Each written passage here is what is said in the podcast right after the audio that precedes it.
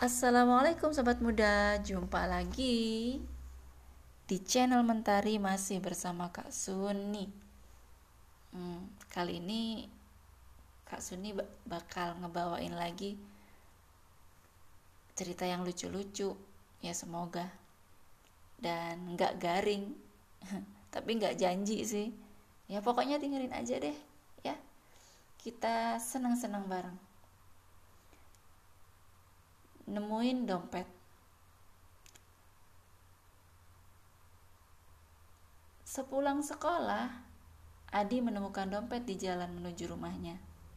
Dikarenakan Adi adalah anak yang jujur, dompet tersebut diantarkan ke alamat pemiliknya yang diketahui dari KTP yang berada di dalam dompet. Ternyata dompet tersebut adalah milik Pak Haji Sobirin. Catat, Pak Haji Sobirin, tetangga sebelah rumahnya.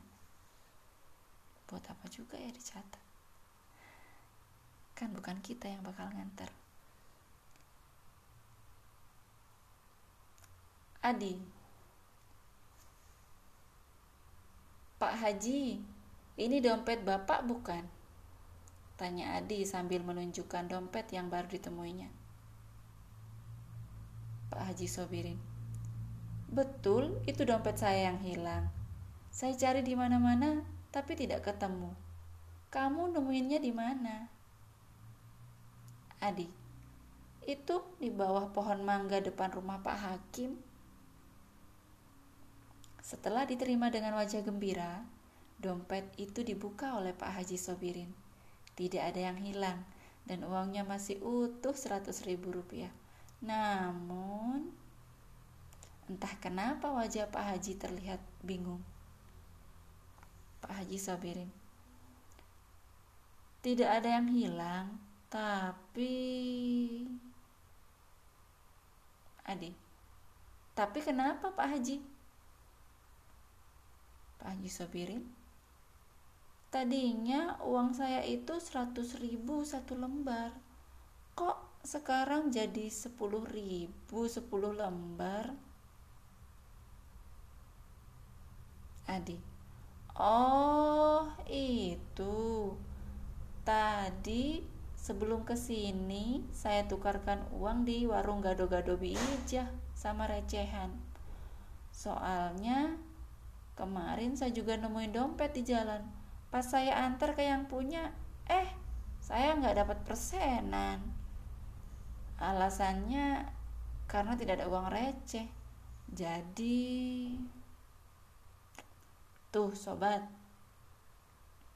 kalau mau nolongin tuh ya harus ikhlas, lillah.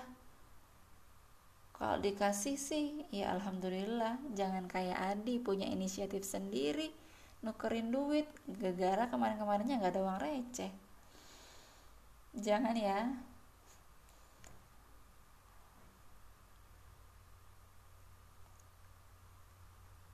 Hari pertama sekolah. Hari pertama sekolah, Ucok terlambat dan ditegur guru. Kenapa kau terlambat, Ucok? Maaf, Pak.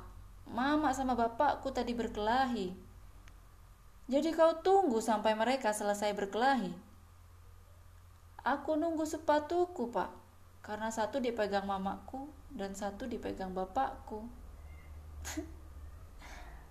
pernah ngalamin kayak gini sobat semoga enggak ya tapi kalau sobat udah ada yang nikah nih dan punya anak mending diomongin aja deh persoalannya nggak usah rebutan sepatu anaknya juga kali ya Oke, sampai jumpa di podcast berikutnya. Semoga kalian bahagia, tetap bersemangat, dan ini bisa menambah motivasi atau ya, ya terserah deh.